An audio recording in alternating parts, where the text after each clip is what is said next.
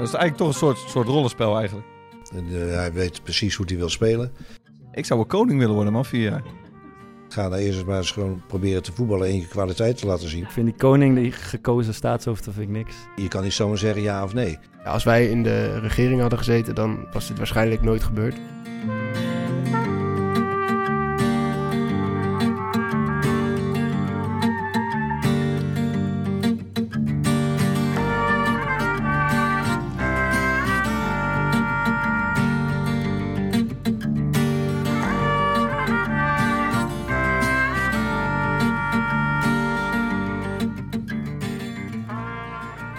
Op 17 maart mogen we weer naar de stembus. En wij van de Core Podcast dachten, tot die tijd kun je wel bij ons terecht voor je politieke analyse. De komende weken gaan we dus met wat lijsttrekkers uit Den Haag om de tafel. Een rondje door de kleedkamer leerde dat de voetballer daar niet per se voor warm loopt. Politici zeiden, allemaal engnekken daar, laaie lichters, mooie praatjes, maar drie maanden later zijn ze het weer vergeten. Is wat wij opvingen in de kleedkamer. En onze gast van vandaag, die ontspringt de dans. Niet omdat ze haar wel goed en betrouwbaar vinden, maar vooral omdat ze gewoon nog nooit van haar hebben gehoord. Niet gek trouwens, want ze is van de SP. En de SP, dat is toch een beetje de Victor Sicora van het Binnenhof. Ooit veelbelovend op de linkerflank, maar daarna toch vooral in de vergetelheid geraakt. Neem niet weg dat we blij zijn met onze gast van vandaag. Voetballiefhebber en volgens Intimi een betere tacticus dan Thomas. Met genoegen Lilian Marijnissen. Wat een introductie. dat is weer eens wat anders. Leuk dat je er bent. Ja, dankjewel. Leuk dat ik hier mag zijn in deze mooie omgeving. Het is eh, in het Sparta-stadion. Dat Ja. is niet helemaal het eh, stadion waar jij je Nee. het liefst in bevindt, denk ik. Maar daar komen we zo op terug. We beginnen even met het testen van jouw voetbalkennis. Een eh, spelerspaspoortje. Ik noem een rijtje clubs. En de vraag is, welke speler hoort hierbij? Hij speelt in de jeugd bij Ajax. Daarna bij FC Barcelona. Manchester United. Celta de Vigo. Deportivo Alaves. Espanyol. Metalurg Donetsk. Enig idee? Jeetje. Thomas weet het, denk ik. Ja, er zijn wel bepaalde gelijkenissen te vinden, denk ik, tussen jou en, en hem. Oh ja? Oh, nou ben ik helemaal razend benieuwd. Het is eh Jordi Cruijff. Jo, die krui... Ah, ja. Jordi Cruijff. De zoon Jordi. van. En wij vroegen ons af, Ja. denk je dat Jordi Cruijff ook zo'n indrukwekkend cv zou hebben gehad... als hij niet de zoon van Johan was geweest? Eh, ja, ik denk het wel. Want ik weet niet, maar je moet toch uiteindelijk zelf op dat veld het laten zien, toch? Dan heb je toch echt helemaal geen ene reet aan je achternaam. Dat denk ik. Dat zou... He- heeft heeft hij veel wedstrijden gespeeld overal? Nou ja, ik ga dat, dat moet je niet aan mij vragen. Dat zou Thomas niet van jij Ik voor. ga ik allerlei rare dingen zeggen. Nee, ehm, de, de vraag is natuurlijk... ehm, eh, als, als voetballer weet je meestal al vroeg dat je, dat je prof wil worden. Hm. Ehm, en de vraag is eigenlijk, hoe, hoe werkt het als politicus? Want je komt overduidelijk uit een nest van, eh, van politici. Althans, je vader was een prominente SP-politicus. Eh, word je dan ook geboren met een droom om politicus te worden? Of, of hoe werkt dat? Ja, ik, eh, ik weet niet hoe dat bij anderen is, maar ik had dat dus totaal niet. Nee, Eh, dat is echt iets wat op je pad komt en eh, wat je dan doet. En op een gegeven moment denk je, nou, dat is ook nog wel leuk en misschien ben ik er ook nog wel goed in. Maar het is voor mij nooit een, een, een droom geweest of zo. Eh, wa- waren er ook andere, andere dromen dan, dan politicus worden? Zeker, ja, zeker. Vertel. Eh, nou, de, de topsport heeft me altijd ontzettend aangesproken. Alleen ik was er gewoon niet goed genoeg voor. Er zitten er meer van aan deze tafel. Praat voor jezelf. nou, ik wou het niet zeggen, maar eh, nee, nee, nee, dat is absoluut. Ehm, ik, heel vroeger wilde ik dierenarts worden als klein meisje, maar dat was vooral met mijn liefde voor dieren. En dan had ik echt zo'n romantisch beeld van, van oh, het lijkt me echt super mooi dat je dan dieren beter kunt maken. Nou, op school bleek dat ik vakken als biologie en eh, zo, dat was helemaal niet aan mij besteed. Mhm. Dus nou ja, die droom eh, die ging ook eh, van tafel. Ehm, ja, en toen ben ik eigenlijk gaan, toch een beetje gaan doen wat ik nu doe. Ik heb ook jarenlang bij de vakbond gewerkt. En dat vond ik ook heel cool. Om dan samen met name met mensen die in de zorg werken... ja, trok ik dan op om eigenlijk te strijden voor betere zorg, meer collega's, beter salaris. Mhm. Eh, maar dat heeft me altijd wel aangetrokken om in ieder geval voor je idealen te vechten. Je kiest er zelf voor, volgens mij, om eh, te- de SP een beetje de linksbuiten van de, van de Nederlandse politiek te noemen. Waarom linksbuiten Zeker. en niet eh, linksback of linksmidden? Of, Ja, omdat linksbuiten heeft iets aanvallends. Dus Ja. dat vind ik wel mooi daaraan. Ik bedoel, ik zit daar wel om de boel ook een beetje op te schudden. Ja, en Ja. om eh, gewoon ook de duidelijke taal, dat past bij ons. Eh, knokken voor je idealen. Eh, we zitten er niet voor onszelf om onze zakken te vullen. We geven een groot deel van ons salaris af. Je doet het met de mensen. Ja. Ja, dat past daar wel een beetje bij. Linksback verkoopt ook niet echt, hè, vind je niet? Ah. Dat je de linksback van de politiek, dat werkt toch ook niet? Nee, je weet altijd, eh, degene die in het voetbalelftal linksback staat, die was vroeger linksbuiten, Ja. maar niet goed genoeg als linksbuiten. Of niet snel genoeg. Ja. Dus, en die komt uiteindelijk eh, als linksback terecht. Nou, een goede linksback kan heel erg van waarde zijn hoor. Dat is wel waar. Eh, heb, je, eh, heb je een favoriete speler? Überhaupt in Ja. Eh, ja, zeker wel. Ehm, ja, goed, ik, eh, ik ben natuurlijk een Feyenoorder. Ja. Dus dat moet je dan wel een beetje daar zoeken. ja, dat hoeft niet, dat mag dat mag ook ergens anders. Mag ook echt wel. Ja, ja, zeker, zeker. Ehm, nee, maar dat, ja, nou ja, niet, ik was altijd wel eh, een, een Dirk Kuyt fan. Ja, nog wel, denk ik. Maar ook wel door gewoon zijn manier van spelen. Hmm. En eh, weet je, het op sleeptouw nemen van de boel, dat spreekt me wel, dat spreekt me wel aan. Ja. En dat vind ik nu bijvoorbeeld ook als je Linzen ziet bij het huidige Feyenoord. Ja, ik vind het dan echt mooi, weet je wel. Die jongen, tuurlijk, eh, ik heb ook al die kritieken gelezen en ook wel gezien. Maar hoe die zich nu dan toch weer terugknokt en of weer een goal maakt, denk ik, ja, dat vind ik dan toch wel mooi. Het is Mhm. misschien ook wel een beetje het stereotype Feyenoord-gedachte van dat Feyenoorders dat ook willen zien. Maar ja, ik, eh, ik zie het ook wel echt graag. Eh, nog, eh, nog één ding over voetbal. Wij hebben, denk ik, twee weken geleden het eh, duizelingwekkende contract van Lionel Messi even besproken. Dat ging over 571 miljoen in Ja. vier jaar tijd of zo. En jullie van de SP zijn toch een beetje de partij van, eh, voor, de, voor de kleine man, voor de eerlijke verdeling. Thomas vond het te weinig eigenlijk. ja, hij vond het eh marktconform. 1,1 miljard vond hij Marco voor. Ja, nou ja, als, als er, als er, ik probeer het uit te leggen, dat als er, eh, hoe, was het? Het was een vijf, een half miljard of zo. Jij had een rekensommetje op losgelaten. Ja, als er, als er, als kan niet rekenen. Nee, ik kan niet rekenen. Maar als er, als er zoveel mensen zijn die, die een bepaald bedrag bereid zijn om te betalen om jou te zien voetballen, dan is het in zekere zin. eh, Oh ja, jij vindt het dan dat hij het waard is? Zo. Nou ja, eh, stel dat eh, de club dan dat geld krijgt eh, wat die supporters betalen. Dan zou het Mhm. er ook lullig zijn als hij daar niet, eh, terwijl hij de grote ster is, als hij daar niet van eh, mee profiteert. Maar dat, dat heeft ook wel iets van een grens, of niet? Ja, nee, da- daar, hadden we, daar hadden we het toen ook over. Ja, eh, moet je dat dan, eh, ja, moet je dat dan begrenzen? Maar ik vind eigenlijk van niet. Ja, ik Nee? vind dat hij het zelf moet begrenzen. Maar dat zei ik toen ook al. Ja, Dus je, dus op een gegeven moment, het is wel gewoon genoeg, toch? Zou je zeggen, ja, het is makkelijk praten. Ik, zit niet, eh, ik krijg niet een contract van 30 miljoen voor, eh, Ja. voor mijn neus geschoven. Ja. Maar hoe, hoe kijk jij tegen dat soort... Want we hebben, je zegt er zit een grens, maar bij Feyenoord zitten ze sommigen ook op een miljoen of zo. Hoe, hoe, Ja. hoe kijk je En daar je werkt natuurlijk eigenlijk ook een soort van naar mee. Als je zelf een seizoenskaart hebt. Ja. nou, bij jullie doen jullie toch, jullie verdelen toch al het geld wat er binnenkomt en dat wordt dan uiteindelijk eh, evenredig eh, gewoon gelijk verdeeld onder alle eh, mensen die werken bij de SP. Bij de SP? Ja, ja toch? Nou, wij hebben een, eh, ja, wij noemen dat de solidariteitsregeling. Dus een eh, Tweede Kamerlid verdient ruim 8000 euro in de maand, geloof ik. En dan heb je het nog niet eens over allerlei eh, toeslagen en dingen die je er natuurlijk bij krijgt. Mhm. Eh, nou, wij leveren dat in en wij krijgen daar het salaris voor terug, ongeveer een, middelbare schoolleraar. Dus een kleine 3000 euro in de maand. En eh, dat geld wat we dus overhouden, ja, dat steken we in de partij en goede dingen die de partij kan doen. Bijvoorbeeld eh, gratis juridische hulpdiensten door het hele land. Voor mensen Mm. die geen advocaat kunnen betalen, die dan daar terecht kunnen en dan door onze vrijwilligers worden geholpen. Of eh, eigen onderzoek wat we doen. Of acties die we kunnen betalen van Mm. huurders, bijvoorbeeld tegen de sloop hier van een Ja. huurhuis of zo.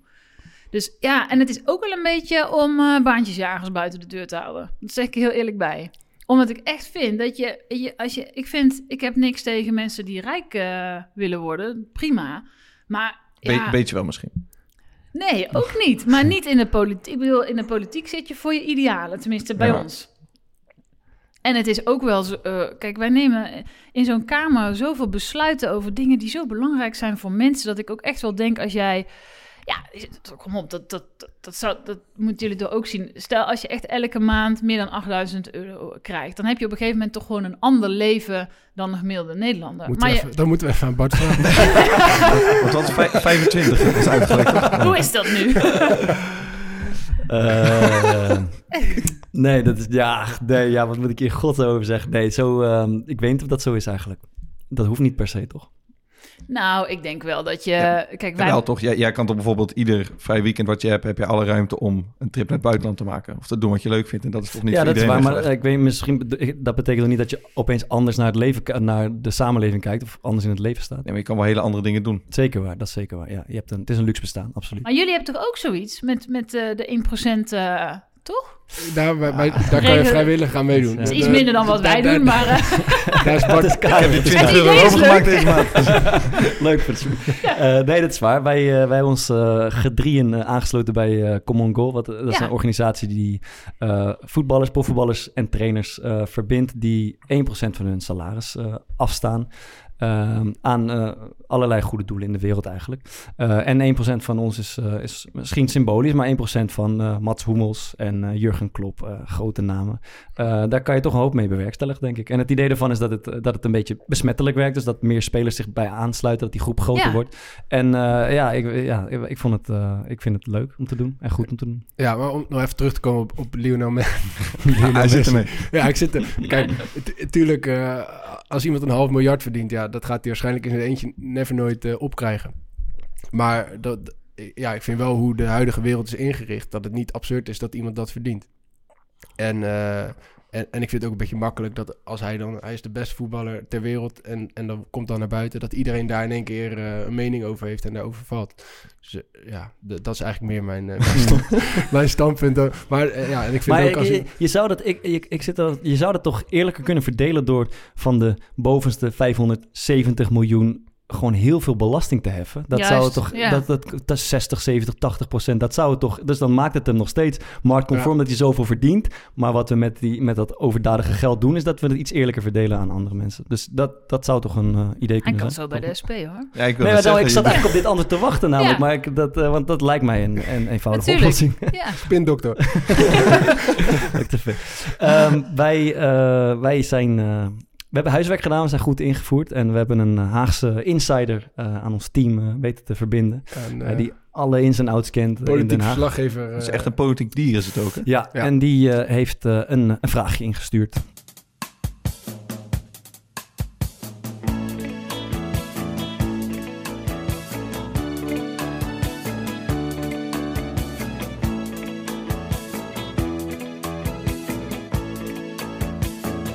Hier de Haagse insider, de SP. Zijn dat die linkse roodharige gekkies, die communisten? Zijn vast aardige gasten, maar ze willen een gekozen staatshoofd. Lijkt Noord-Korea wel. Zeg Lilian, heb jij het eigenlijk wel in je om de Leeuw Jan Oen van Nederland te worden? Ik zal met niemand willen ruilen. Ook zo'n rooie. Ja, we vroegen ons af of je aan welke Haagse politicus wij aan, aan ons hebben weten te binden. Maar goede vraag die daar werd gesteld, eh, toch? Ja, Ja, hele goede vraag. Eh, nee, maar dat, dat, dat is ook niet mijn ambitie. Misschien eh, stel ik eh, Tommy nou eh, teleur, maar eh, dat, eh, nee, dat, dat hoeft helemaal niet natuurlijk. Nee, we willen wel Nederland wat eerlijker maken. Oké, maar daar is nog een wereld te winnen. Maar Bart, jij was wel heel benieuwd naar dat gekozen eh, staatshoofd. Ja, hè? Hoe dat nou in elkaar uh, zit. laatste dat. En ik denk, dit gaat waarschijnlijk over de koning. Mhm. Hoe ziet dat eruit? Wie moet in godsnaam Ik zou de koning nieuwe worden, gekozen koning worden? Is dat zijn, komen we daar allemaal voor in aanmerking? Hoe ziet dat eruit? Nou, kijk, het, eh, weet je, het staat echt niet bovenaan ons lijstje. Dit is- er zijn heel veel andere belangrijke dingen in Maar Nederland het- om te regelen. Het staat Maar erop met een reden, vermoed Het, ik. nou, omdat het eigenlijk, als je toch eerlijk bent, is het toch ook niet meer echt van deze tijd. Mhm. Dat je simpelweg doordat je ergens geboren wordt, eh, je dan zo'n functie hebt. Eh, dus wij zeiden, nou, eigenlijk zou dat gekozen moeten zijn. En zou er in ieder geval, zouden ze ook gewoon normaal belasting moeten betalen. Mhm. Bijvoorbeeld het Koninklijk Huis. Ja. Eh, dat kost ons toch wel miljoenen per jaar. Mhm. Eh, dus dat zouden ze gewoon kunnen doen. En we vinden eigenlijk ook dat er geen politieke invloed meer zou moeten zijn. Want dat Mhm. heeft natuurlijk niet zoveel met een democratie te maken. Maar Nee, ik hoe ben ziet dat er dan uit? Dat, eh, moeten we dan eens in de vier of tien of vijftig jaar gaan stemmen op een, op een nieuw staatshoofd? en heb je ook een idee wie dat dan zou kunnen zijn? Nou, misschien is Beugelsdijk wel... eh Ik zat zelf aan, Cor, ik zat zelf aan Korpot te denken. zou ook een goede zijn, ja. Nee, maar het, het gaat meer om de gedachte dat in een democratie Mhm. het wel raar is dat je dan je staatshoofd niet kiest. Dit stamt natuurlijk van heel erg lang geleden. Is Maar- eigenlijk niet meer van deze tijd. Maar het is toch niet zo heel realistisch dat we een koning gaan kiezen? Nou ja, een staatshoofd, waarom niet? Iemand, en maar wel iemand die dan. eh, maar dat zou ook een, president gewoon kunnen zijn, toch? ja, maar dan, in Italië hebben ze dat. ja, maar dan zit je wel weer veel meer in de politieke macht. En wij hebben Ja. natuurlijk een ander systeem. Wij kiezen een Tweede Kamer en we vormen een regering. Mm. En die regering heeft een minister-president. Ja. Nou, dat is op zich goed, denk ik. Maar daarom is die koning een beetje een raar figuur. Want die eh, heeft ook politiek, hij is formeel onderdeel van een regering bijvoorbeeld. Met, met democratie heeft het natuurlijk niet veel van doen. want Mm. Niemand kiest die man. Heeft, Dus, hij, heeft hij dan ook veel invloed nog? Nou, dat is dus een goede vraag. Want dat weet dus eigenlijk bijna niemand. Dat maakt het dus heel schimmig. Dus bijvoorbeeld, weten ook niet veel mensen... maar onze minister-president heeft elke week een gesprek met de koning. Ja. Maar wie weet wat daar besproken wordt? Wie weet wat die koning eh, Zou dat nou vrienden zijn? allemaal eh, meegeeft of opdraagt? Of dat, dat weten we eigenlijk niet. Misschien gaan ze wel tafeltennis Ja, two touch of zo. weet ik wel. maar bijvoorbeeld, ehm, eh, Rutte moest dan ook toch zijn ontslag aanbieden aan de koning. Ja, ja. Ik vraag me nou echt af hoe dat gaat, man. Of hij dan echt dat soort van gaat vragen of hij ontslag mag nemen. Of dat die koning dan zegt dat hij gewoon binnenkomt en dat ze eh, even een box geven. En van, Houd toch op, Mark, met die poppenkasten. Of zou dat dan heel formeel gaan? Of zal hij dan zeggen van nee, doe het niet, doe het niet. Ik weet het niet. Ja, dat Maar dat is het punt, dat weet dus geen mens. Mm. Want het is allemaal heel schimmig. Eh, wij hebben een eh, verkie- voorverkiezing gedaan in alle voetbalkleedkamers van Nederland. We hebben hier en daar... eh, jullie ble- bleken allemaal nog wel wat vrienden ergens in, in wat kleedkamers te hebben. Ja, een paar ik, honderd ik wat minder, maar hebben we Ja, hebben... het was, we moesten er wel aan trekken hoor. Want ik heb echt een paar gasten moeten stalken. Hoe, hoe vaak heb jij gehoord, To? Want ik heb dan veel jongens geappt. kijk, je speelt een jaartje daar, je speelt een jaartje daar. Dus je hebt overal wel ingang in de kleedkamer. En ik heb zoveel gehoord dat iemand er zei van... Ah ja, ga ik me nog even in verdiepen. Ja, Gaat niemand doen. Nee. Dat denk ik echt.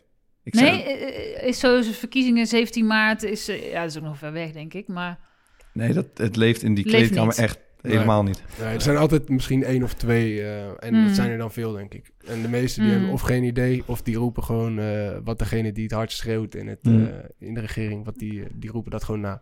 Maar de- er is weinig verdieping. Echt heel weinig. Ma- maar niet geheel eh, verrassend eh, moet ik tot mijn spijt eh, melden dat er eh, één stem is geweest op, eh, op SP. En dat kwam uit de kleedkamer van Heerenveen. Heerenveen. Ja. En ik oh jee, ja. ook dat nog. Nee, maar wij- misschien wel vragen we ons, hoe, hoe komt het dat eigenlijk dat, dat de SP eh, zeker niet leeft onder voetballers? Nou, ik, is het gewoon, is het gewoon onbekend? ik denk wat eh, on- onze Haagse insider net, zeg maar, weet je, eh, Ja. lachwekkend zei. Volgens mij is dat wel bij ehm, mensen die zich wat minder in de politiek verdiepen, het beeld wat er van de SP is. Dat het Mm. best wel extreem, echt extreem links is. En dat, ja, we hebben wel goede ideeën, maar het is ook een beetje gekjes, daar ga ik nooit op stemmen. En dat is best wel De- ja, denk je dat eh, de- de- onze teamgenoten er echt op die manier over denken? vraag het me ook af. Nee, niet precies. dat heeft hij toch gewoon zelf bedacht. Nee, ik denk wel serieus dat dat een beetje het beeld van de, van de SP is, man. Ik denk echt. Ja, ik, zat- ik zat daar vanmiddag over na te denken. En toen dacht ik bij mezelf van, nou ja, de voetbalwereld gaat toch wel een beetje om... eh, o- zijn wereld gaat over snel geld. Hè? De- Mm. Je laat zien wat je, eh, wat je hebt. En je moet het ook verdienen binnen, binnen een aantal jaar. Dat is ook wel logisch. En, en dan de teamgenoten die we hebben, als ze iets over politiek weten, dan is het vooral eh clickbait. Dus dan is het op social media. En eh, nou ja, de, de clickbaits op links zijn in principe nooit eh, goed nieuws eh, clickbait voor voetballers. Van jullie. Ja, ja de- dus ik denk in dat opzicht dat dat wel een eh, Ja, verklaring weet, zou ja, De- dat, dat weet ik Ja, eigenlijk niet. Want aan de andere kant denk ik toch, ja, weet ik veel. Als eh, iemand in jouw omgeving zorg nodig heeft, ik roep maar wat. Dat is toevallig voor ons een Ja. heel belangrijk onderwerp. Dan vind ik het ook fijn dat dat goed geregeld is. Ja. Nu we in zo'n coronacrisis zitten en we eigenlijk aan alles een tekort hebben, Ja, denk ik toch wel dat heel veel mensen denken, ja, hadden ze misschien toch wel een punt. ja. Ik, ik, denk, ik vind eigenlijk Ja. dat de voetballer op, eh, op sociaal gebied best wel links is. Tenminste, de gemiddelde voetballer die ik ken. Dus ik, ik ken best wel veel voorbeelden van spelers die best wel eh, omkijken naar, eh, nou, naar, naar dakloze mensen. Je Hm. hebt van, de, van de vorige week, geloof ik, kwam ook naar voren dat eh, Promes en Ziyech en nog iemand eh, een shitload aan geld hadden Bergwijn. gestort. eh, Bergwijn eh, op- voor een jongen die een operatie nodig had. Dat soort initiatieven Ja. komen best veel uit de voetbalwereld. Dus ik denk eigenlijk gewoon het probleem dat de SP daar niet in is genoemd. Dus dat ze gewoon geen idee hebben dat de SP bestaat. Maar, en waar het ik- denk dat wat- jij zegt, dat, is- dat, over, over goede zorg, dat, dat klopt natuurlijk. wel. Dat, dat willen ze allemaal. Maar waarom zou een voetballer nou echt moeten stemmen op, op, op de SP bijvoorbeeld? nou, ik had, ik weet niet of je dat meegekregen, maar een tijdje terug had ik een Babel op mijn dak op Twitter. Ja, dat hebben we, ja, dat hebben we mee, nog Ja. Ja, we denken over gehad, Je Ja, boos. ja. over de belasting. Tijdens Ja. met dat boek, denk ik Ja, toch? ja. Die bank. Klopt. Ja. Nou ja, en ja, toen... Kijk, ehm, Nou, het is eigenlijk wat jij net zei. Eh, prima om veel geld te verdienen, maar het is dan toch ook prima om evenredig bij te dragen aan dat wat van ons allemaal is, Ja. namelijk een fatsoenlijke zorg, namelijk een betaalbaar huis voor iedereen. Ja.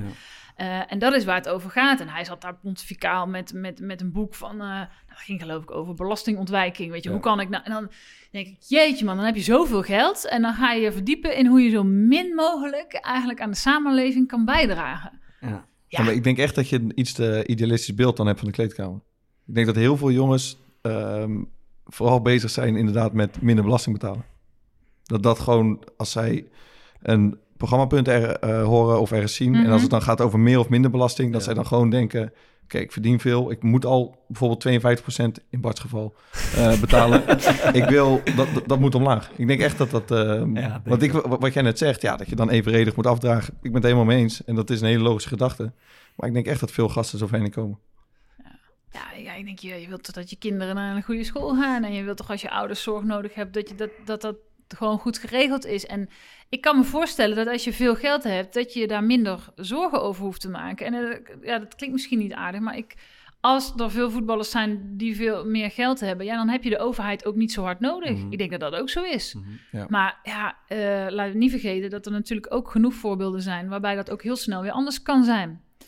Eh, en uiteindelijk denk ik, ja, misschien heb je het zelf goed voor elkaar. Maar ik kan me toch ook voorstellen dat je het ook fijn vindt dat het met de rest van, van Nederland ook een beetje goed gaat. Ehm, Zo'n zo'n dingetje met Babel, de, ehm, eindigt, dat, eindigt dat dan nog ergens? Of is het eigenlijk, eh, jij reageert op zijn tweet, jij scoort daarmee, hij reageert op, zijn, op jouw tweet, hij scoort daarmee Ja. en dat is het dan? Of, komt er, of het zou toch vet zijn als je, want je vertelde net dat je, een, dat je zelf een podcast maakt. Dan denk ik, dit is echt een mooi gesprek. Jij met Ryan Babel die een beetje dichter tot elkaar komen in plaats van eh Ja. domme opmerking van hem, rare opmerking van haar en daar eindigt het dan een Ja. beetje. Volgens mij, maar dat moet ik even, ik, ik heb dat niet helemaal eh, scherp, maar volgens Hm. mij heb ik hem daar wel voor Dat uitgenodigd. zou toch top zijn? Of eh, gezegd van, goh, ik stuur een boek op, hoe ik het zie. En eh, ja. we hebben het er nog over. Ja. Maar ik geloof dat daar niet zoveel enthousiasme voor was. toen, toen was het gauw over. ja, dat zou ik te gek vinden. Ja, maar dan, natuurlijk. dan, dan, dan levert het, of dan lost het ook nog een keer iets op of zo. In plaats van dat het alleen maar op Twitter gebeurt. En één tweetje daar, een tweetje daar. En, en we stoppen er weer mee. Dat zou, tenminste, dat zou, Zeker. zou mij een mooi idee lijken. Eh, wij willen graag even naar de, de wedstrijdbespreking. ehm, die, die bij ons eh, elke week gebeurt. Maar bij jullie is de wedstrijd misschien het debat, het televisiedebat. Ik geloof, komende zondag staat er weer op het programma, denk ik. Eh, het RTL-debat. Ehm, wij, eh, wij vragen ons af, een wedstrijdbespreking bij ons gaat, eh, we gaan samen eten. We dan hebben we een, eh, een sterkte- en zwakte-analyse van de tegenstander. Dan zitten we in de kleedkamer, dan roept er iemand heel hard, eh, we maken ze kapot. We vreten ze op. Ons veld! Eh, we doen het hier. Come on boys, come on, come on! Scherp. Scherp beginnen. dat, dat is onze Dat wedstrijd is voor het, ja. in een notendop. Ehm, hoe, hoe ziet het bij jullie er? Hoe ziet het er bij jullie uit? Ja, ehm, nou, het, het heeft misschien wel overeenkomsten. Mhm. Ja, het, het, het is wel een bepaald moment. Dan moet je het laten zien. Ja. Weet je, daar kijkt iedereen naar. Dan verwacht iedereen veel van je. Het is leuk dat je het op de training goed doet. Mhm. Maar daar heb je uiteindelijk niet zoveel aan. Ja. Kan ik over meepraten? Nou, Ehm, dus ja, dus die overeenkomst is er, denk ik, eh, is er denk ik wel. En je denkt natuurlijk ook van tevoren na, van wat wordt mijn tactiek, wat wordt mijn strategie, hoe, hoe ga ik het aanpakken, welk punt wil ik maken. Ja. Eh, en uiteindelijk is het ook, ehm, ja, de bal is rond. Mhm. maar dat is bij ons natuurlijk ook zo. Ja. Weet je? Analyseer jij je tegenstanders? Eh, ik, kijk wel, ik kijk wel dingen terug van hun, of, of ik bekijk dingen, ja. Maar wij doen bijvoorbeeld echt, dan gaan we 11 tegen 11 eh, nabootsen.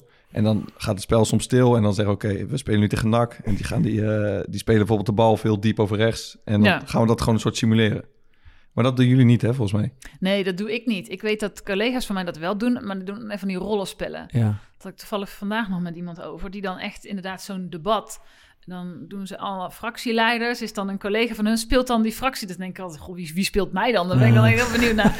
maar, eh, dat doen ze, maar dat doe ik niet. En dat, maar dat heeft echt te maken met dat ik, ja, ik vind, kom op, het moet ook wel een beetje echt blijven. Mm. Ik ben zo bang dat het anders zo snel een toneelstuk wordt. Dat is iets anders dan je niet goed voorbereiden. Je moet je wel goed voorbereiden en goed weten wat je wilt zeggen, welk punt je wilt maken, wat je belangrijk vindt.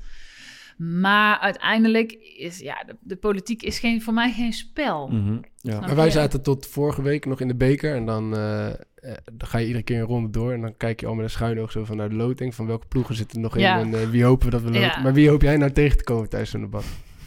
Nou, dat is, eh, ja... eh, kijk, zoals ik natuurlijk ook hoop dat Feyenoord uiteindelijk nou een mooie tegen Ajax nog eh, voor de beker Mhm. gaat.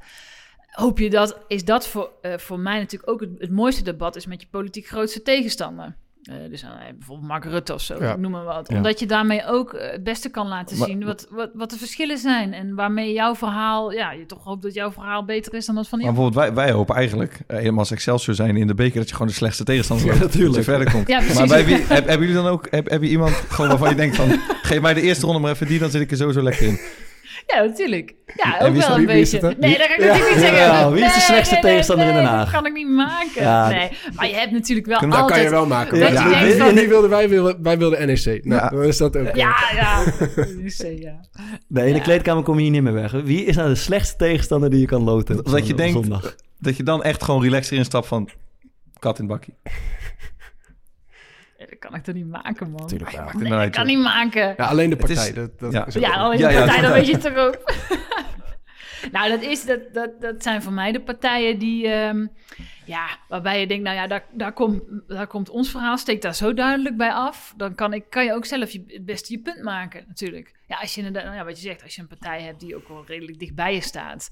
Ja, dan is het ook wat... In zo'n debat waarbij het echt, eh, ja, het, het, moet op dat moment gebeuren. Mhm. Dan is het natuurlijk ook fijn om een tegenstander te hebben waarbij je dat ook... En voor diegene waarschijnlijk ook, hè? Welke partij is het nou? toch? Weet je, Ik zit te twijfelen tussen eh, Thierry Baudet en eh, Joost Eertmans. Nou, eh, bijvoorbeeld. Ja. En, Maar- en, de beste debater? Dat kan je misschien wel zeggen. Iemand waarvan je denkt van oké, die ook al weet ik dat ik er misschien qua argumenten wel kan hebben, maar die is gewoon verbaal zo sterk. Nou, Rutte is wel heel sterk in een debat. Ja, dat, eh, dat, dat moet je hem nageven. Ik ben het vaak niet met hem eens. Maar dat, eh, dat kan hij wel, ja. En wat, wat kan die zo goed dan? Nou, hij heeft een bepaalde eh, ja, gemak eigenlijk. Gemak waarmee hij eh, de dingen pareert of van zich af laat glijden. Of tegelijkertijd is dat natuurlijk ook wel een beetje de kritiek op hem soms. Ja. Ja. Eh, die denk ik wel terecht is. Maar goed, dat is natuurlijk ook, eh, ja, als je het echt, echt over debatvaardigheid hebt, is dat natuurlijk wel handig. Eh, ben je nerveus als je, als je tegenover hem staat of tegen, op, op, een, op zo'n debatavond staat? Een grote televisiedebatavond. Ehm, nou, niet meer zo. De eerste keren wel. Mhm. Want ja, jeetje man, het is zo... ehm, Ik was toen ook nog vaak de enige dame in het gezelschap. Ja. Dus die dat vorige RTL-debat in Carré bijvoorbeeld... Ja, stond ik met zeven mannen. Ja, prima hoor. Maar ja, ik denk toch wel even, oké. Ja. Hoe ga ik dit aanpakken dan? Ja. Eh, en die schreeuwen allemaal door elkaar heen, weet je wel. Nou ja, Mhm. als vrouw moet je toch even nadenken over hoe positioneer je jezelf dan. Want als je daar gaat mee zitten schreeuwen, nou, dat komt niet zo heel sympathiek over, denk ik. Dus dat kan je niet doen. Dus dan moet je iets anders bedenken. Ehm, En wat, wat dus doe je ik dan vond wel? dat wel spannend. Nou, ik heb... eh, ik dacht op een gegeven moment, weet je wat, ik, eh, ik zeg gewoon, nou, eh, alle stropdassen hier, die roepen maar wat door elkaar heen. Maar eh, ik wil er graag dit van zeggen, weet je Mhm. wel. Oh, oké, ja. Ehm, dus ja, zo moet je dat dan toch maar proberen een beetje op te lossen. Ja. Het lijkt me ook, eh, de, de druk lijkt me ook hoog. De dru- juist op dat specifieke moment de druk om te presteren. En in de kleedkamer zie je dat terug in gasten die allerlei rare rituelen hebben, waar ik er ook een van ben. Eh gasten Wat die was zo- jouw Oh ja, dat wil ik ook weten dan. Nee, ja, ik zit borden voor rituelen. Ja, we hebben het al uitgebreid besproken, maar ik, ik heb de rare tik om, eh, om mijn huis op te ruimen de dag van de wedstrijd. Als ik bij Bart kom en zijn huis is netjes, dan Dan weet ik weet je, dan altijd. komt de je hoe wedstrijd? Ja. En nee, dan allerlei kleine dingetjes. Eh, Hmm. Op hetzelfde tijdstip ongeveer mijn schoenen aantrekken. Op hetzelfde tijdstip een beetje eten. De Eh, power pose. ik, doe de, ik doe een power pose. Misschien kennen jullie dat in de politiek Kan wel. je eens voordoen? Ik- We hebben nu camera's Doe gewoon even. Ze blijven Ja, het doe gewoon- even, doe even. doe even. Kom. Je loopt daar net te Zij pushen. komen net, ja. Jij loopt deze te pushen, kom er niet meer weg. En nu... Zij komen net Ja. ook weer weg, toch? Nee, nee, Ja, maar ja, nee, power nee, pose nee, of zeggen wie, nee. eh, wie de kan- slechtste eh, debater vindt. Dat is nog wel een verschil. Eh, eh, het gaat over, ik heb het al 15 keer uitgelegd. gaat er gewoon overheen hoor. Ik zou het niet laten gebeuren. Dit is. Mark Rutte. Ja.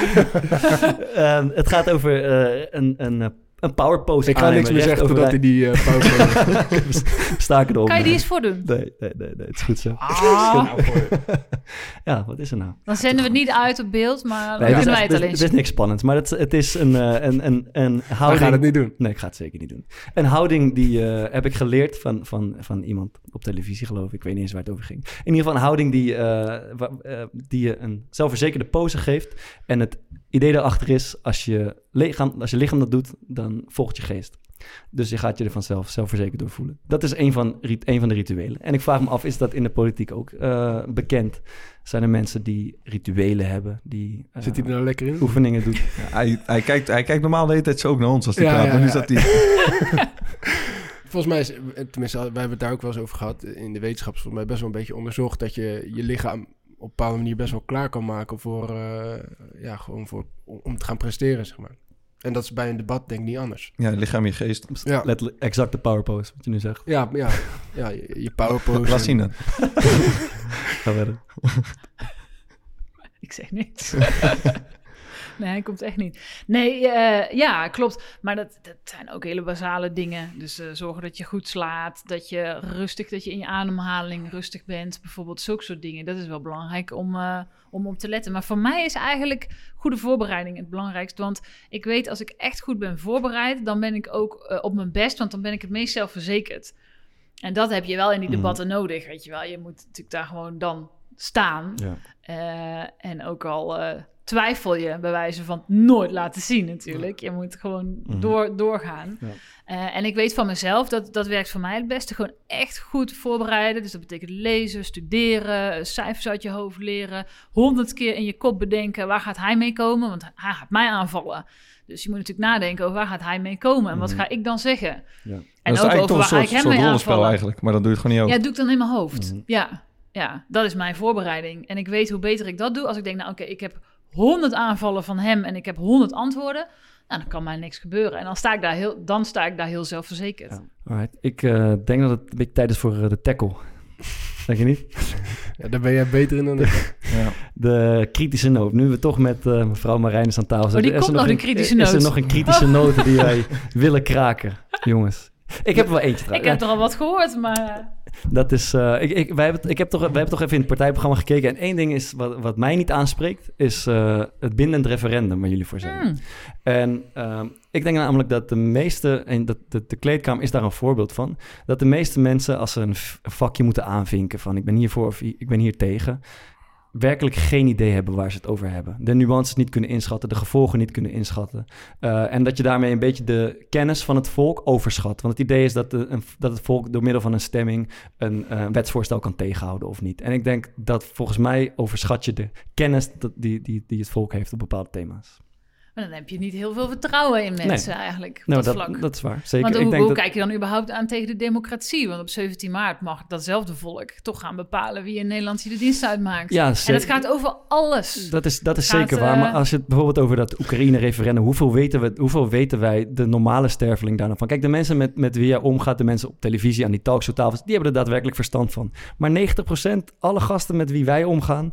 eh, ik heb mezelf vreselijk moeten inlezen... om dit soort dingen een Mhm. beetje te begrijpen. De meeste mensen hebben echt geen idee waar ze het over hebben. En dan denk ik, dat vind ik een beetje een... ja, bijna gevaarlijk... eh, Speel, speel je niet een bepaalde vorm van populisme daarmee in, in de kaart? Nee, dat denk ik niet. Want eh, het idee van een, inderdaad een collectief bindend referendum is dat je politici kan terugfluiten op het moment dat er is gebeurd waarvan mensen zeggen, ja, hé, maar dat is niet de bedoeling. Mhm. Dus in principe gaan we één keer in de vier jaar naar de stembus. Nou, mag op 17 maart weer, moet iedereen vooral doen. Moet iedereen vooral eh, rood aankruisen welke partijen diegene het meeste aanspreekt.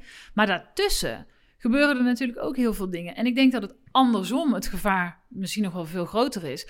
Dat mensen, heel veel gewone mensen, het vertrouwen in de politiek al verloren zijn of dreigen te verliezen. Mhm. En dat is toch vaak omdat mensen in een eh, omstandigheid zitten waarin ze bijvoorbeeld eh, de baan kwijtraken zonder dat ze er iets aan kunnen doen, eh, maar wel geconfronteerd worden met een gigantische huurstijging, vervolgens niet het goede onderwijs voor de kinderen kunnen regelen, wat zo belangrijk is. Ja.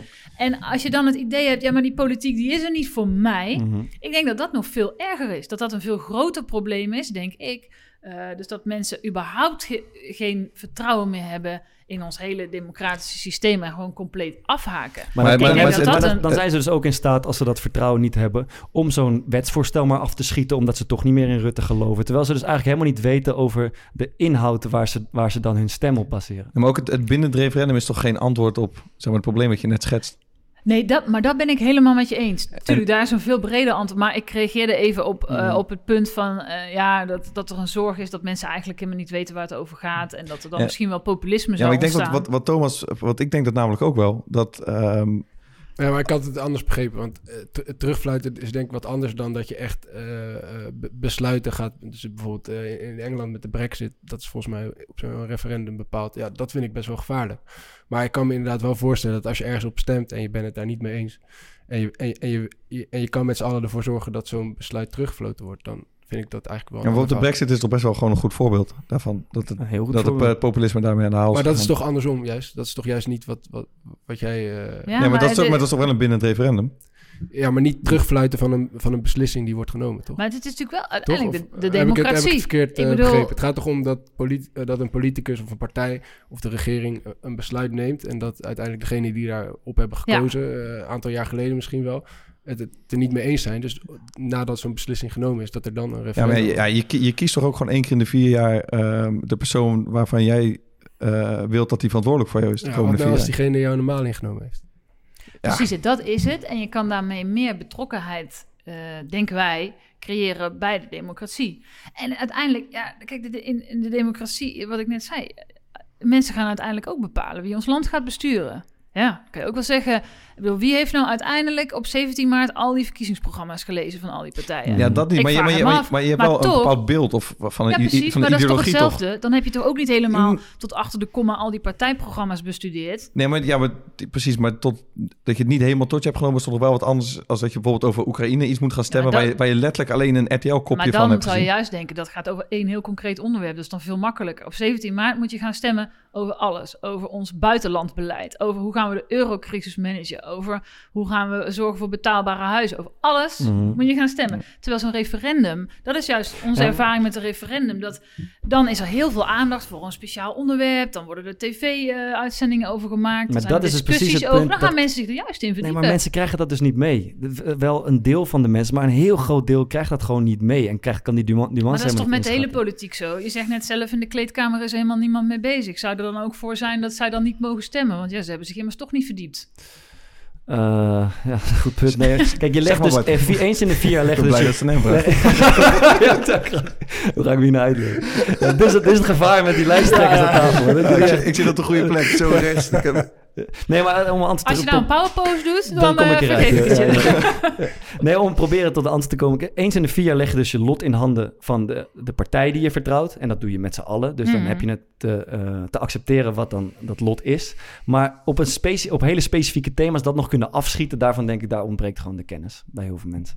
Ja, maar wat je dus juist bij de referenda die we hebben gehad eh, ziet, bijvoorbeeld over de Europese grondwet, is dat er dan juist heel veel aandacht voor is. Mm. En dat dan juist heel veel mensen zich er ook wel in gaan verdiepen. En kijk, ik bedoel, maar uiteindelijk is dat een heel eh, ja, lastig criterium. Ja, want wanneer weet jij genoeg om je stem te kunnen bepalen? Er zijn ook heel veel mensen, denk ik, in Nederland, die echt niet al die partijprogramma's eh, bestudeerd hebben, maar die donders goed weten, die zitten voor mij, weet je wel. Mhm. En die politicus niet, want die zit er alleen maar om zijn zakken te vullen en die strijdt voor mij. Nou ja, dat, bedoel, dat is toch prima? Hmm. Ja. ja. Is prima. Ja, doe het mee.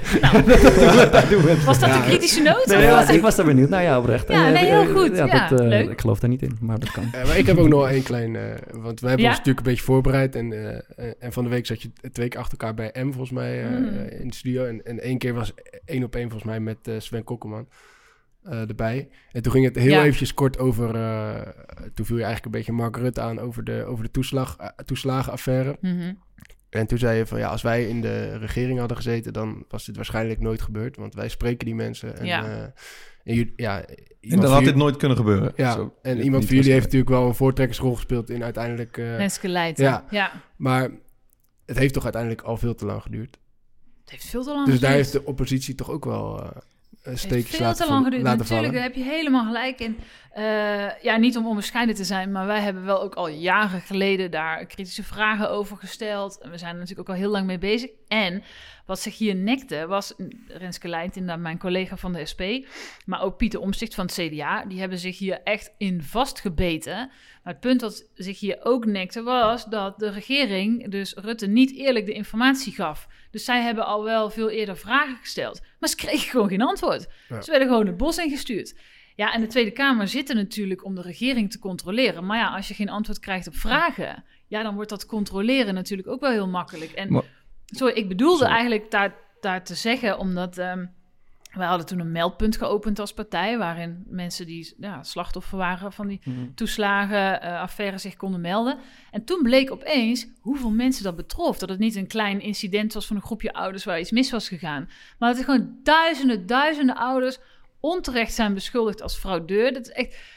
Ja, als je daarover nadenkt, bizar hoor, dat dat in Ja, Nederland ja. kan. Vervolgens bij de rechter eh, zijn ze ook gewoon... eh, hebben ze totaal niet hun recht kunnen halen. Als ze naar de Belastingdienst belden, dan kwam er een melding eh, bij de, degene die de telefoon opnam. Opletten, fraudeur, geen informatie geven. Die mensen zijn kapot gemaakt, hè? Alles afgepakt. Huis afgepakt, kinderen het huis uitgezet. Vaak eh, hu- huwelijken op de klippen gelopen. De, de ergste dingen aan toe. Baan kwijt, toekomst kwijt. Ja, zelfmoord. Zelfs bij, eh, Nou ja, tot aan dat aan toe. Ja, dat is wel heel triest, maar dat eh, wa- inderdaad... wa- wanneer zijn jullie met dat meldpunt eh, gestart? Eh, nou, dat is geweest. Kijk, je had aanvankelijk die groep ouders, waarvan eh, van één zo'n gastouderbureau. En toen kwam wel een beetje naar buiten van, jeetje, dat is dan wel gruwelijk misgegaan. En toen is dat meldpunt gestart voor de zomer, En dat was dan 2000? vorig jaar. Dat is- ja. Ja, want, want die eerste verhalen zijn toch wel gewoon naar buiten gekomen rond 2013, 2014? ja, en toen hebben wij dus ook al wel vragen daarover gesteld. Maar ja, toen werd er toch eigenlijk gezegd dat het allemaal wel meeviel. En daarmee was dan de kous af. Ja. Maar ja, dan zijn het op een bepaalde manier ook niet volhardend genoeg geweest. Want als je toch dan al opmerkt hoe gruwelijk het is en wat er gaande is... en vervolgens gaat er nog, is het, vijf, zes jaar overheen? Ja, maar kijk, wij hebben natuurlijk wel ons best gedaan om steeds daar wel naar te vragen. Maar goed, als je de informatie niet krijgt, ja, dan wordt als Kamerlid je natuurlijk het werk ook wel onmogelijk Maar- gemaakt. maar- En dat is ook wel de reden waarom het kabinet helemaal heeft moeten aftreden. Omdat het zo mis was gegaan. Maar ook wel omdat de Kamer gewoon ja, niet de informatie kreeg waar we wel steeds om hebben gevraagd. Maar als je dan bijvoorbeeld ehm, bij die mensen thuis komt... en je hoort die verhalen dus uit de eerste hand... denk je dan op een gegeven moment niet van... Oké, weet je wat, we, we hebben nu in de, Kamer geprobeerd. Er komt maar geen antwoord op en we komen niet verder... maar we weten wel wat er speelt. Ik, stap gewoon, eh, ik zoek gewoon de publiciteit op. Ja, maar dat, dat, dat hebben we ook gedaan. En dat is heel erg, want daarmee moesten die ouders inderdaad aan zo'n talkshowtafel gaan zitten om daar hun hele verhaal te vertellen. Maar het ergste is eigenlijk, nu wij hier zitten, is het dus nog steeds niet opgelost. Want jouw vraag is terecht van, ah, had je het niet wat eerder kunnen oplossen? Maar zelfs nu, nu is het bekend, eh, zelfs het hele kabinet is erover gevallen. Maar het is nog steeds niet opgelost voor die ouders.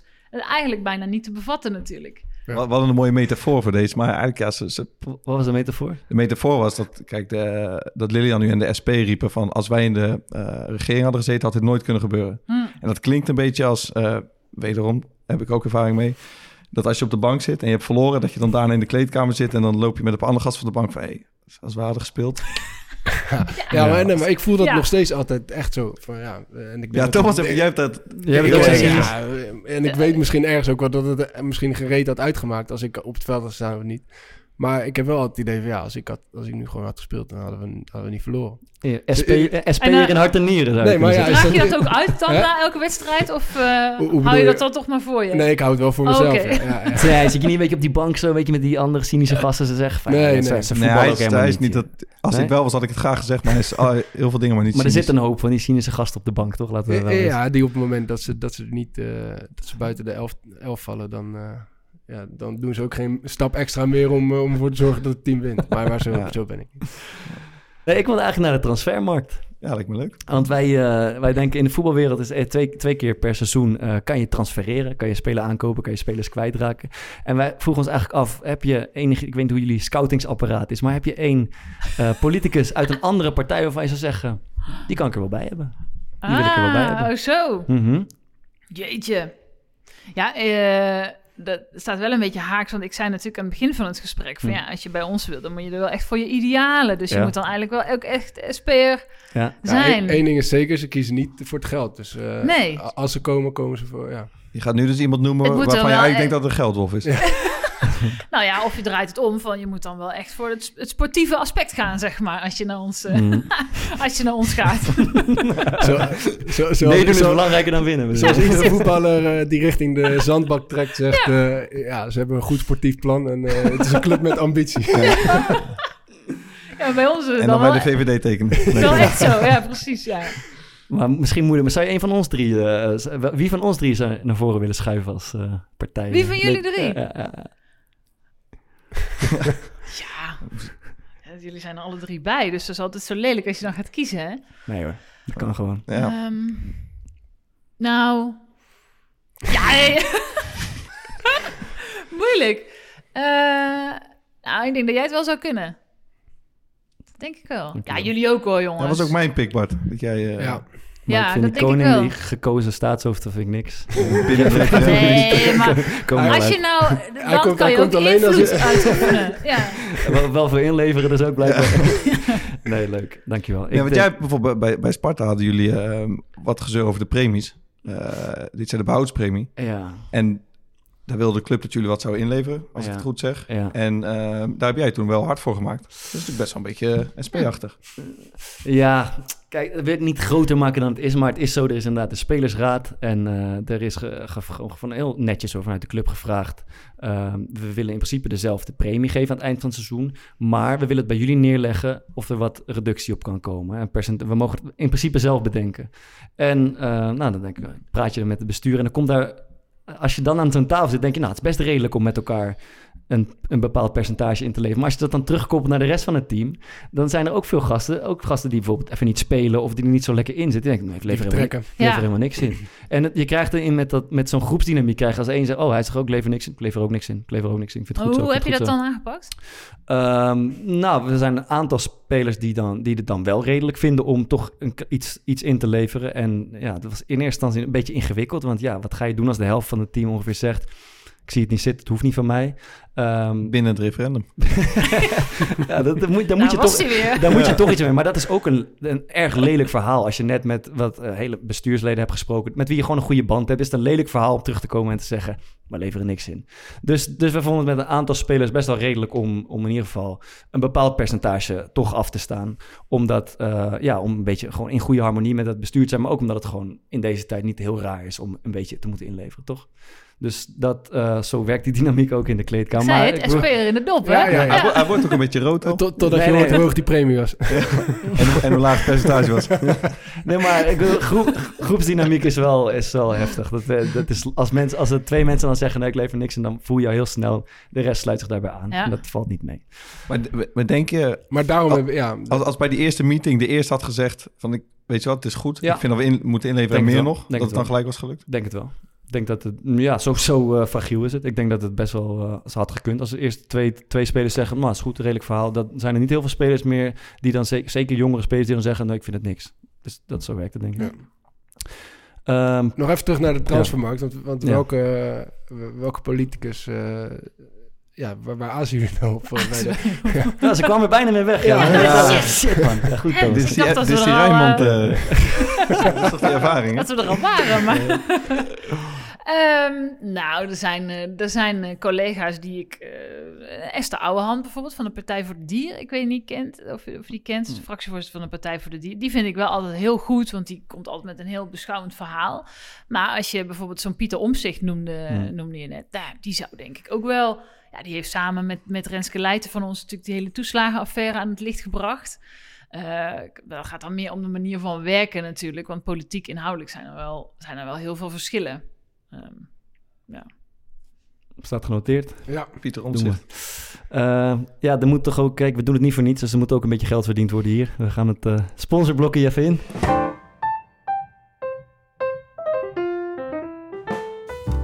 Het voorspel. Voorspelspel. Het Easy Toys voorspel, voorspelspel. Eh, waarin we iedere week een voorspelling doen over iets wat er, wat er aan zit te komen. Eh, en we willen deze voorspelling graag eh, deze week aan jou geven. En eh, de eenvoudige vraag is: hoeveel zetels denk je dat de SP gaat pakken? Oh, ik dacht, 17 ik mag maart? nou iets gaan vertellen, eh, voorspellen van hoe ver komt Feyenoord in de beker? Of eh, Ah, kans laten worden we nou echt nog nummer twee of niet? Kans Of, eh, Redactie, ik- kunnen, we nog terug? ik dacht dat deze podcast over voetbal ging. Wat, eh, ja, echt. Nou als, je er niet, als je er niet uitkomt, eh, dan, dan, dan kan je altijd zelf nog een, eh, een, een mooie voorspelling kiezen. Laat het zo doen. Zit, zit Feyenoord nog in de beker wel? Ik Ja, heb ja, geen ja, idee. ja, ik ja, volg dat ook allemaal. Ze spelen, spelen deze week tegen Heerenveen. En als ze Zeker winnen weten. tegen Ajax. Ja, precies. Tegen de enige SP-stemmer. Ja. Van En voetbal daarom zei ik al, oh jee. eh, Ik vind het eigenlijk wel een goeie. We willen gewoon de beker voor Feyenoord, dat is toch, is toch prima? Ja, Ja, vind je ja, niet? ja. Nou, Ja, Hoe ver komen ze? Ja, Ja. Ze zitten al in de halve finale. gaan Lekker voorspelling. Nee, nee, ze zitten nog niet in de halve ja, finale. nou nee, je moet eerst Oh, van nee, Heerenveen kwartfinale, eh. Heerenveen winnen. Dat was vorige, finale keer niet, was vorige keer niet zo'n succes. Ik moet er wel van tevoren bij zeggen, als je, als je, het, als je het goed hebt, dan ehm, eh, is het... Wat eh, hebben we eigenlijk? we hebben een Easy Toys goodie bag. Eh, dan is de keuze, eh, is die voor jou of geef je hem weg? En dan willen we natuurlijk wel weten aan wie. Dat is het enige... Dat zijn Ja. de enige spelregels van Eh, het ja, voorspel, als, voorspelspel. Als, als ik hem win, dan is die van mij, toch? Voilà. Hoe ver komt Feyenoord in de beker? Mooi. Ehm, die gaan we gewoon winnen. Ze gaan hem winnen. Ja. In de finale tegen? Eh, even kijken, halve finale wordt dan Ajax. Dus wie, wie hebben we dan over? andere is volgens mij VVV VVV. En- of en NEC En Vitesse zit er dan toch tegen? Vitesse. wordt het Vitesse. Nou, mooie finale, toch? Feyenoord In de. Kuip? Ja. Een volle Kuip hopen we dan. Eh, dan moet ik nog even wat... eh, Maar even die wat- zetels wel. Ik ben wel benieuwd. Oh ja, toch die Komt zetels. hij weer over die zetels? Het is niet makkelijk vanavond. hè? Hoeveel, hoeveel denk je? Eh, we gaan voor winst. We hebben er nu 14, dus... eh, De peiling staat niet, niet top nog, toch? Nee, maar er gaat na deze podcast natuurlijk Ja, dat- ja. onwijze veranderingen in Ja, dat, komen. Lodewijk Asscher Game- denkt er anders over. Maar Game, game changer, ja, dat is waar. dat is waar. ook, ja. Dat is toch geen gebruik, hè? Dat als je hier in de podcast verschijnt, dat je de Ja. maand later daarna eh, lig je eruit. Ja. Ik hoop het niet. ik hoop... eh, Er komen er nog een paar en ik denk dat je er blij mee gaat zijn als die eruit eh, vliegen. Oh, kijk, maar we- gaan voor winst. Ja, tuurlijk. Deze podcast gaat voor de ommekeer Juist. zorgen. We gaan voor winst. Leuk. Dus minimaal 14. Nou, het verplichte praatje. Maar lieve luisteraars, mocht je van deze voorspelling nou niet warm worden... en is jouw voorspel nog altijd onvoorstelbaar voorspelbaar... dan wordt het hoog tijd voor Easy Toys. Gebruik de kortingscode voetbal15. En krijg Serieus? 15% korting op al het lekkers dat je in huis haalt van Easy Toys. Ja, ja, we doen het niet voor niets, eh, Lilian. Kom op.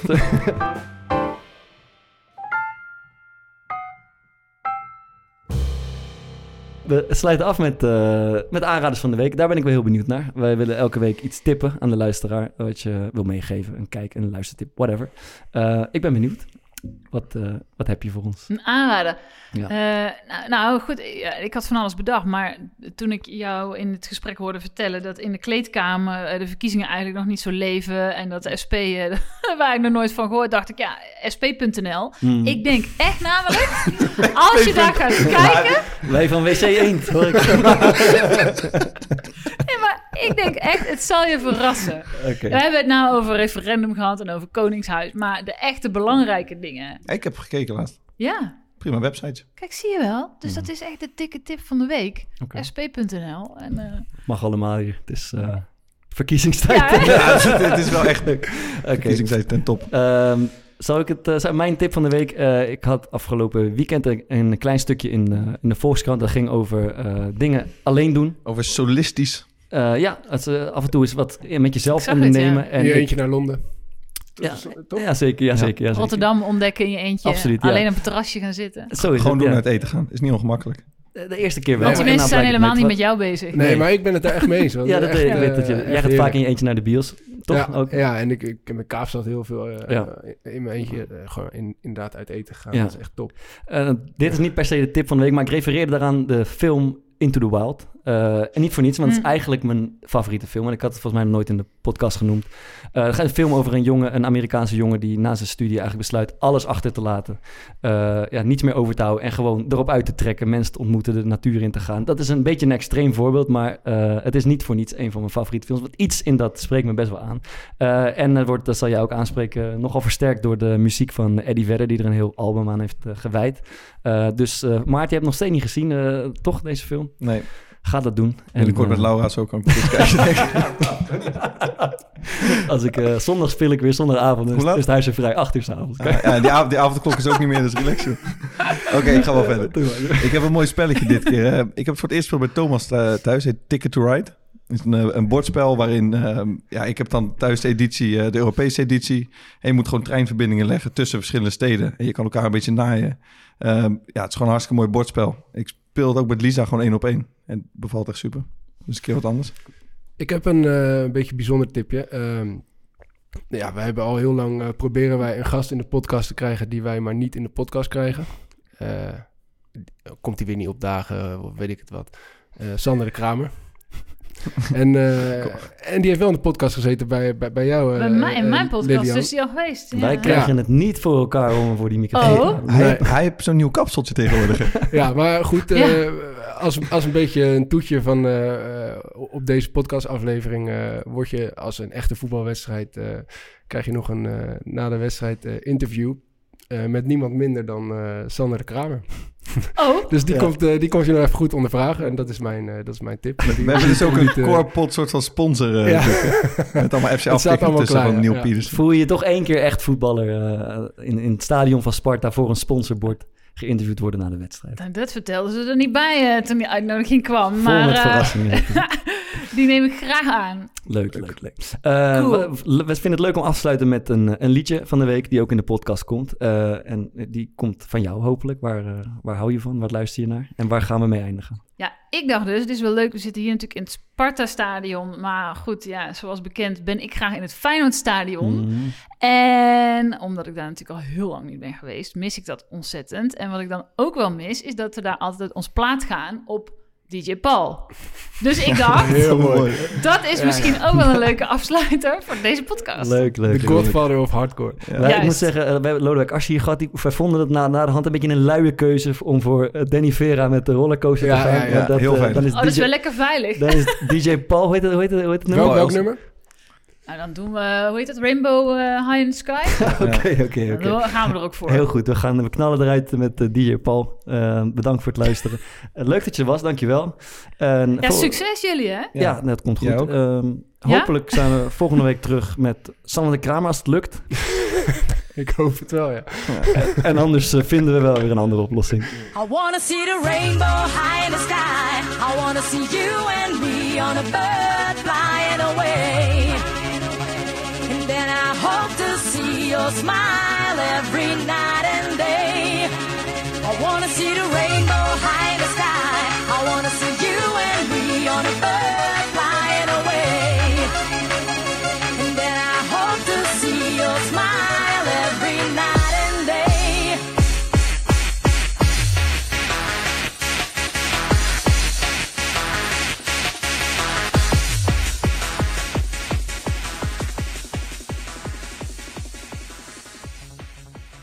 Mevrouw Marijnissen, hoe vond u zelf dat het ging? Ja, je ziet dat het eh, oefenen op standaard vragen, dat dat wel zijn vruchten afwerpt. Ah, maar die gasten Eh, gaan er natuurlijk met gestrekt been in. Ja, het was een aanvallend gesprek. Ja, maar Hoe ik had wel het idee voor? dat ik ook zo mijn punten mee kon pakken. Hoe bereid je je voor op zo'n gestrekt been? Ja, dat is natuurlijk toch eh, je mentaal goed voorbereiden. Dat is zorgen dat je fit bent. Dat is trainen, trainen, trainen, oefenen, oefenen, oefenen. En ik, ja, ik heb dit wel ervaren als vertrouwen tanken richting 17 maart. Ja.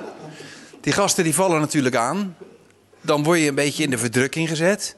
Nou, dan begin je met tomaten te gooien, Ja. toch? Maar jij weet ook, Sander, als geen ander, eh, de aanval is de beste verdediging. Dus daar heb ik ook voor gekozen. En uiteindelijk, kijk, je weet richting 17 maart, er kan heel veel gebeuren. Uiteindelijk zijn er twee keer 75 zetels te verdelen. Het potlood is rood.